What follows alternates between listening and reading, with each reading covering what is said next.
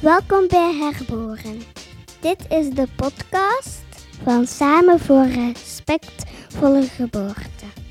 Rut en Sophie zijn jullie gastvrouw. Veel plezier!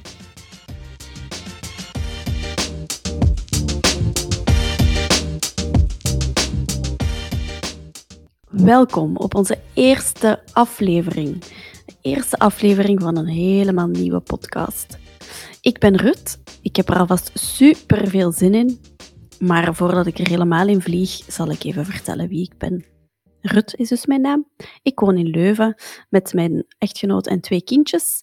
En mijn oudste dochter, Marie, die hebben jullie net al mogen bewonderen in onze intro. Dat schattige stemmetje, dat was het hare. Ik ben vroedvrouw sinds een tijdje en ik uh, werk bij Wheel of Care in Brussel, een praktijk die uh, actief is in de eerste lijn. We doen prenatale zorg, dus zorg voor zwangeren en postnatale zorg. Als mama's bevallen zijn en ze zijn terug naar huis gegaan, dan komen wij op huisbezoek. En ik coördineer ook een beetje de praktijk. Dat is ook zo wel iets waar ik veel mee bezig ben. Maar ik werk natuurlijk niet alleen. Hè. Ik haak ook heel graag en heel veel.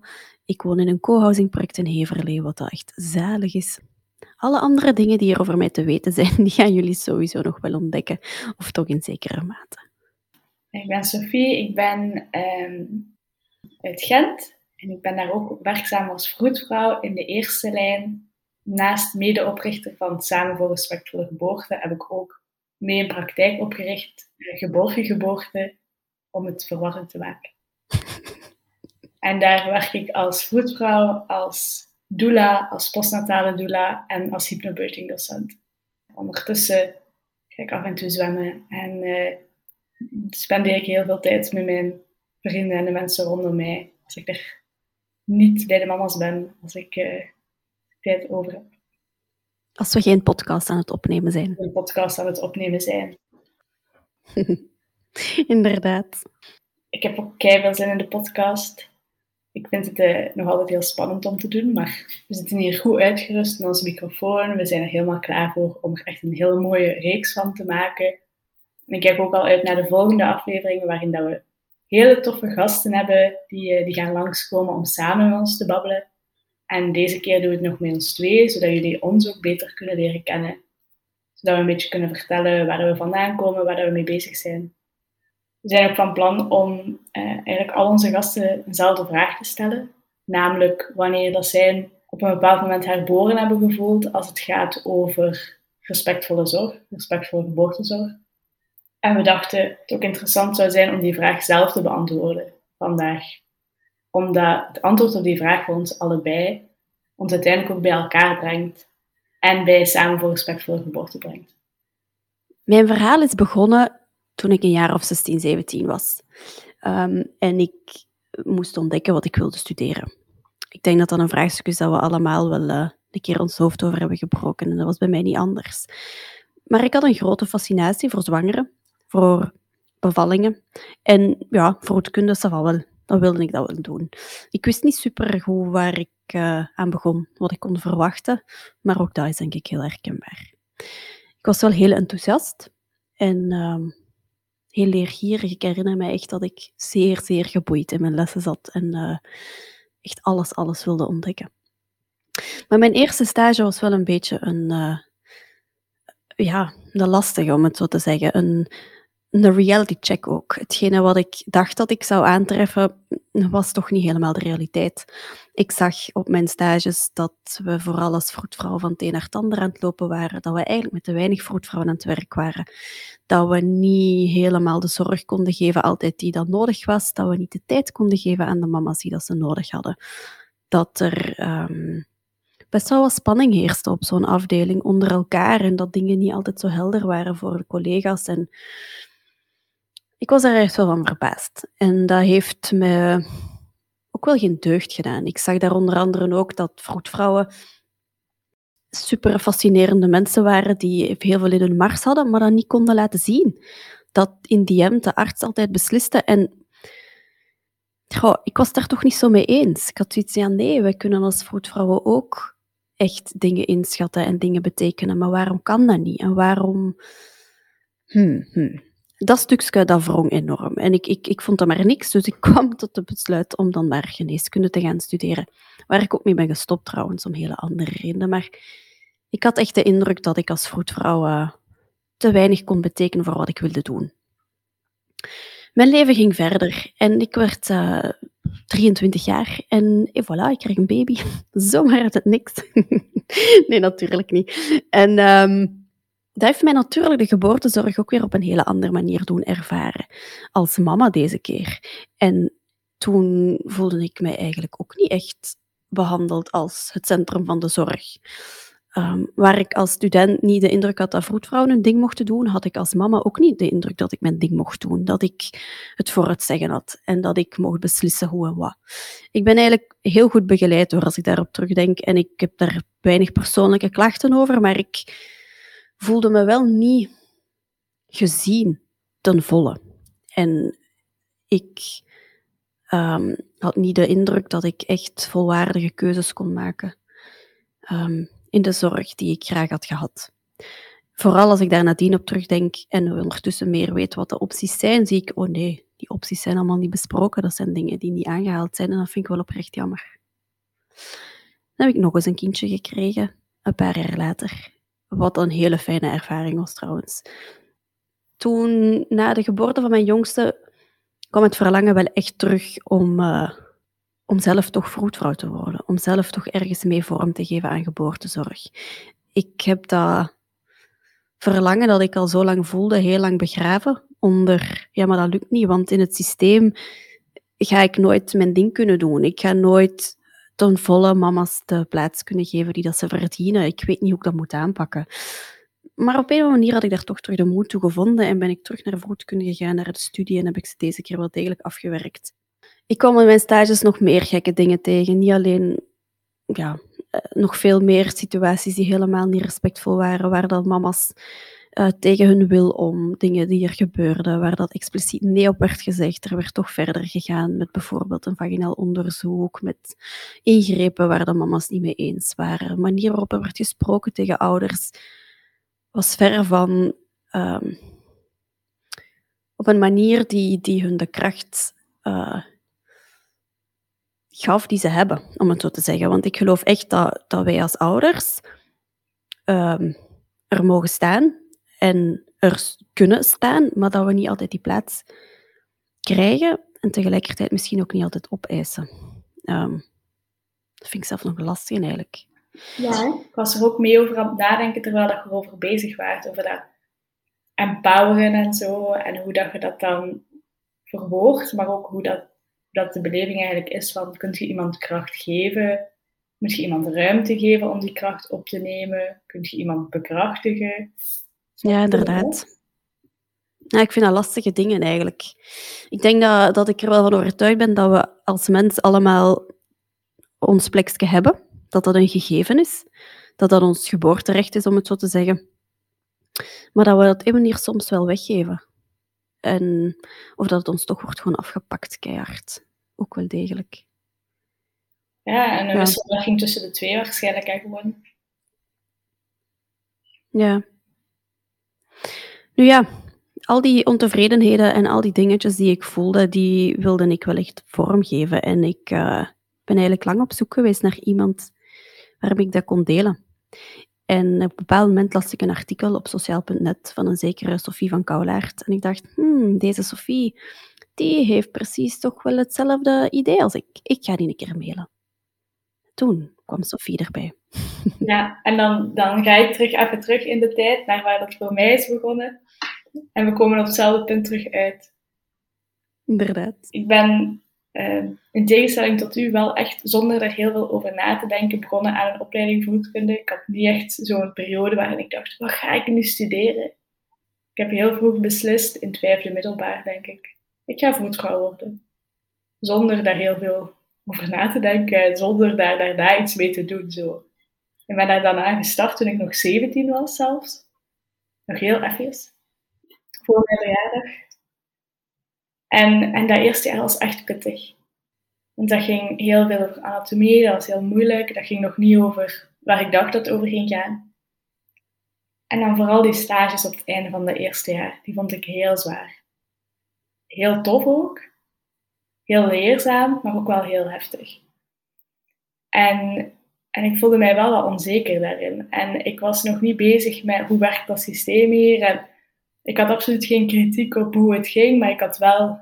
En ik was vooral onzeker over mezelf en hoe dat ik mezelf daarin moest zetten. En, en ik, eh, ik heb dan in het tweede jaar wel ook zo groeiend soms een wrang gevoel gehad bij wat er rondom mij gebeurde. Dat ik zo meer begon te kijken buiten mezelf van, maar wat gebeurt er hier eigenlijk allemaal? En, en ik kon mijn vinger daar niet op leggen. Dat ik soms het gevoel had van, het klopt niet, het is niet respectvol.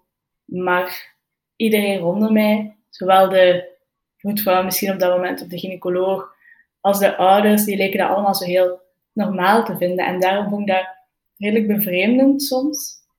Maar ergens in de loop van mijn tweede jaar voedkunde was ik dan op de hashtag genoeg gezwegen terechtgekomen van eh, de geboortebeweging.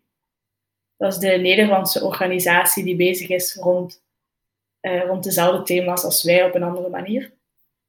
En die hashtag genoeg gezwegen, daarbij gingen, gingen ouders eigenlijk op een papier een ervaring schrijven tijdens de geboortezorg, waarbij dat ze niet respectvol behandeld werden.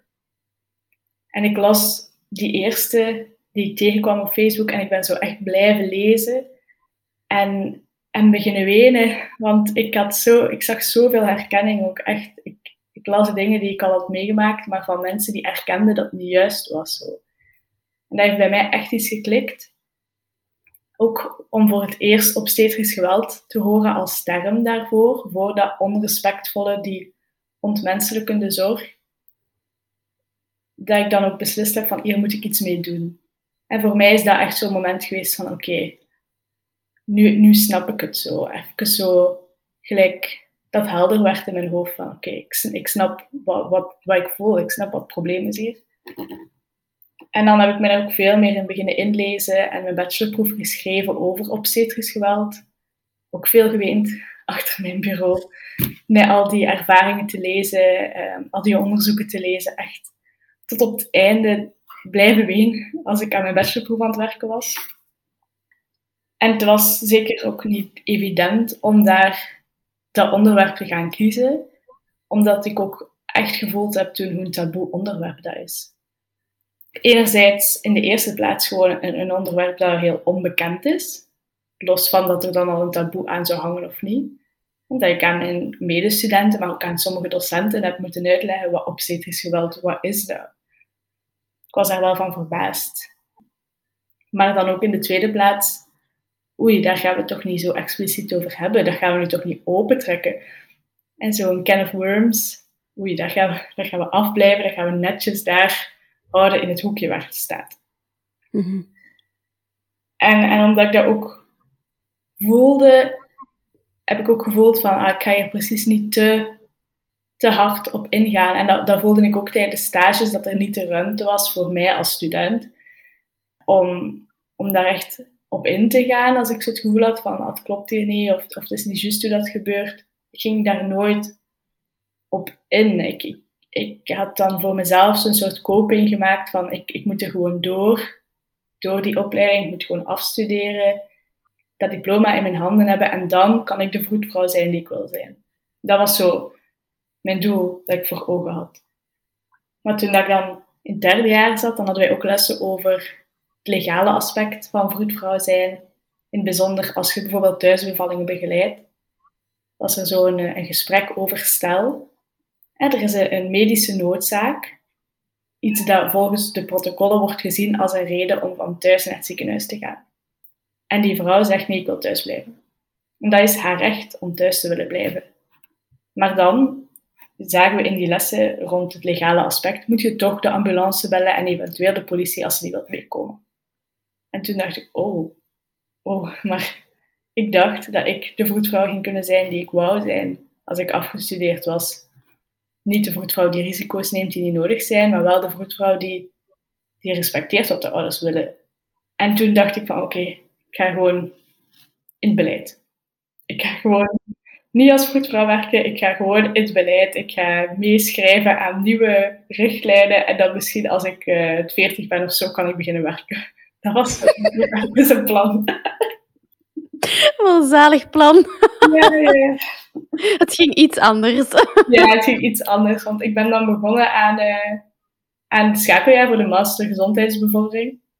Wel echt met, met dat plan. Maar ik vond het echt oerzaai. Maar echt heel saai. En uh, ik miste het ook zo hard om gewoon met die ouders te werken. Dan voelde ik wel van, ah nee, oké, ik wil wel echt als vroedvrouw werken.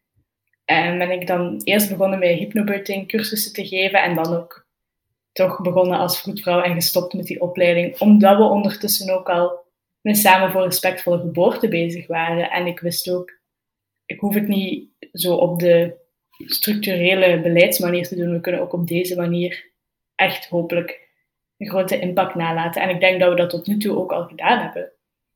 Daar ben ik mhm. wel heel dankbaar over ook. Ja, inderdaad. Ik denk dat, dat je gelijk hebt met die impact die we al hebben gemaakt. Ik denk niet dat die gigantisch groot is en dat hoeft ook niet, maar we krijgen zo af en toe wel berichtjes van ouders die ons bedanken voor hetgene wat ze hebben gevonden bij ons. Ja, en van vroedvrouwen ook en van andere zorgverleners ook. Ook berichtjes hè, van dat ze, dat ze het fijn vinden, dat ze daar ergens um, ja, samenhorigheid in vinden in onze besloten Facebookgroep die echt al zo gegroeid is. En het feit alleen al dat wij van, wat was het in het begin, een stuk of 40 leden, naar nu misschien 940 zijn gegaan, ja, dat, dat alleen al toont ook dat er zo'n nood aan is. Ja, inderdaad. Ja, en niet alleen in het aantal leden, maar ook in de verhalen die worden gedeeld of de vragen die worden gesteld. Er spreekt wel echt een nood uit. Een nood aan opties kennen, een nood aan weten waar je aan toe bent, een nood aan weten wat je kunt vragen als ouder. Ehm, maar ook gewoon nood aan een luisterend oor, denk ik vaak. Een keer kunnen zeggen wat je echt, echt voelt, zonder dat je de wind van voor krijgt. Van, hé, dat mag je wel niet. Ja, ja. En een nood aan herkenning ook. Echt zo... Dat is ook wat wij gevoeld hebben, denk ik, dan als, we, als onze paden gekruist zijn. En dat ik dat artikel geschreven had nadat ik mijn diploma veilig in handen had voor sociaal.net. Dan hebben wij afgesproken voor de eerste keer vlak voor heel de coronatoestand.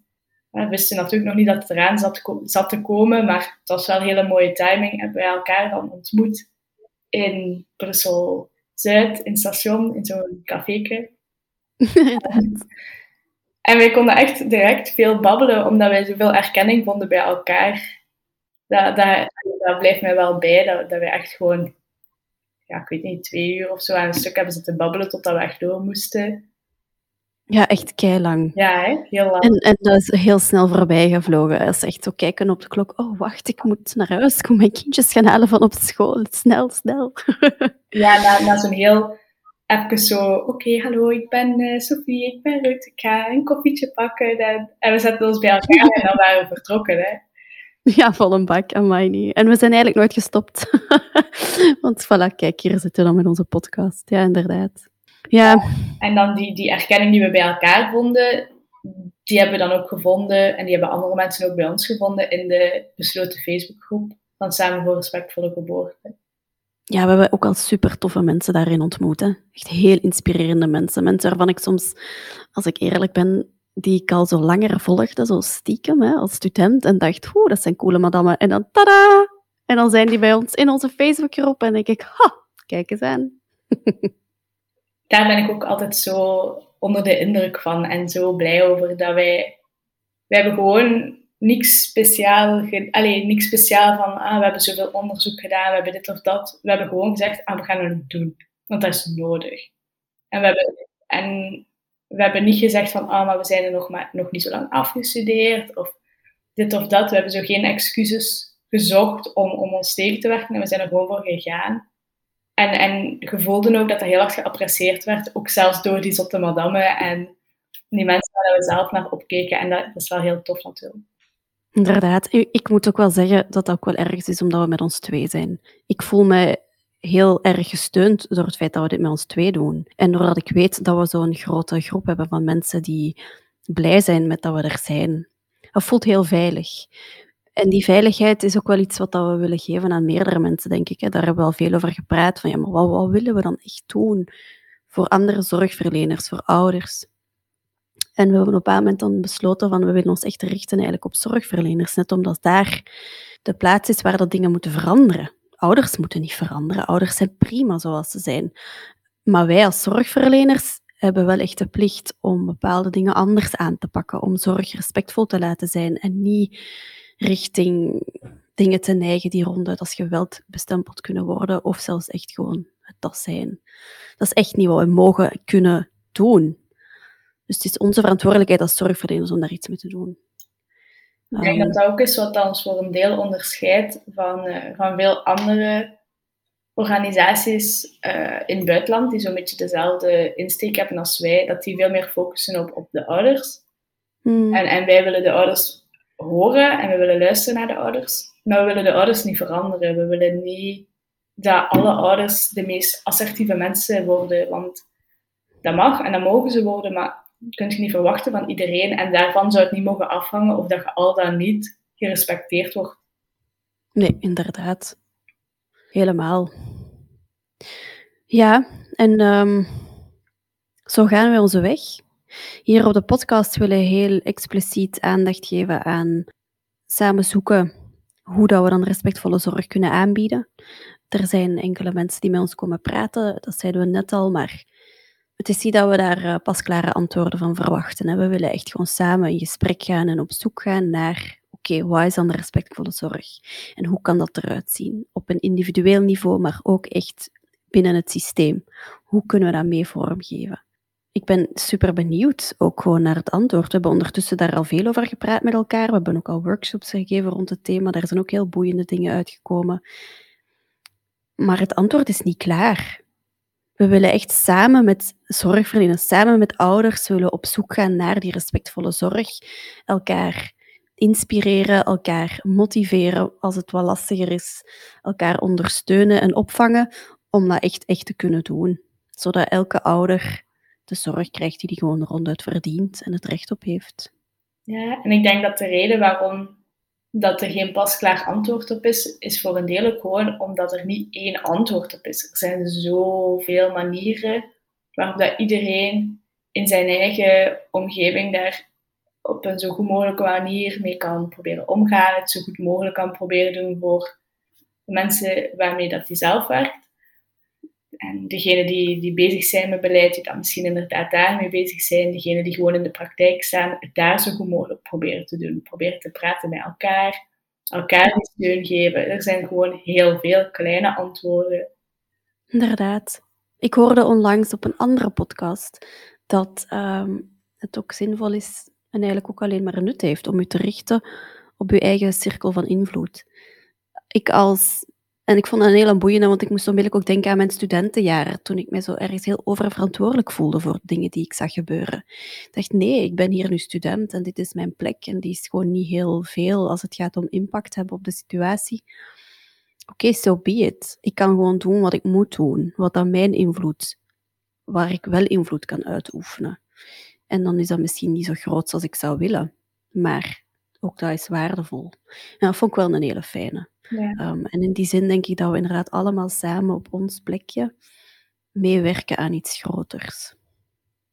Dat was uh, trouwens de podcast van Rachel Reed, uh, The Midwife's Cauldron. We zijn allebei grote fan van Rachel Reed. Klopt. Altijd de moeite om een keer te gaan luisteren. En, en het is, wat dat gezegd, dat is ook weer iets dat ik heel hard herken natuurlijk. Die positie als student. En hoe dat je daar dan uh, ja, ergens probeert om wel een invloed te hebben, maar je invloed is zo beperkt. En dat kan heel frustrerend zijn. En ik weet voor mezelf dat ik dat toen heb afgesloten, van ik kan het nu niet doen, ik moet er gewoon doorgeraken. En dat is ook iets waar dat we denk ik altijd eerlijk over willen zijn, van dat wij het niet perfect doen en dat wij ook obstetrisch geweld hebben gepleegd in bepaalde contexten door bijvoorbeeld geen volledige informatie te geven, door te sturen op een bepaald antwoord, door, door gestresseerd te zijn, door wat, dan ook. En dat wij daarom ook echt proberen eerlijk te zijn, zodat niemand zich moet voelen alsof het vingerwijzen is van eh, de stoute voetvrouw, de stoute gynaecoloog, die onrespectvolle zorg uh, biedt, maar dat we gewoon samen kunnen praten, want het is ook niet leuk als zorgverlener als je het gevoel hebt dat je niet de zorg kunt bieden die je wilt bieden. Mm Ja, super frustrerend. Inderdaad. En een plek om dan een keer te kunnen zeggen ontbreekt eigenlijk ook wel. Als we geen plek bieden om er samen over te praten, dan, dan wordt het snel een elkaar verwijten maken. Of jezelf verdedigen ten opzichte van elkaar. Van, ah, maar ik heb dat niet zo willen doen of ik heb dat niet gedaan. Terwijl als we ook gewoon zelf eerlijk kunnen zijn en kunnen zeggen van, ja, ik heb dat wel gedaan in die situatie en ik wou dat niet doen, maar hoe kan ik dat anders aanpakken? Dan kunnen we in gesprek gaan met elkaar en dan komt zoveel meer uit. Het sluit eigenlijk naadloos aan bij hetgene dat ik nog wil zeggen om deze aflevering af te sluiten. En dat is dat gesprek aangaan. We hebben onze eerste aflevering erop zitten. Maar we zijn ook echt heel, heel benieuwd naar jullie als luisteraars. Wat vonden jullie ervan? Heb je feedback? Heb je, wilt je reageren op wat we hebben verteld? Is het voor u herkenbaar? Totaal niet herkenbaar?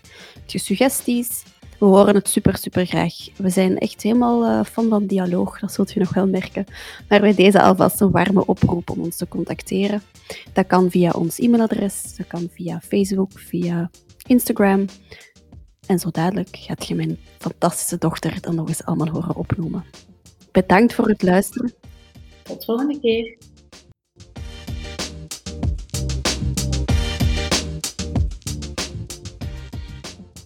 Bedankt om te luisteren. Je kan ons terugvinden op respectvollegeboorte.be of je kan kijken op Facebook of op Instagram. Je kan ons ook een mailtje sturen. Dat kan op samen@respectvollegeboorte.be. Tot de volgende keer.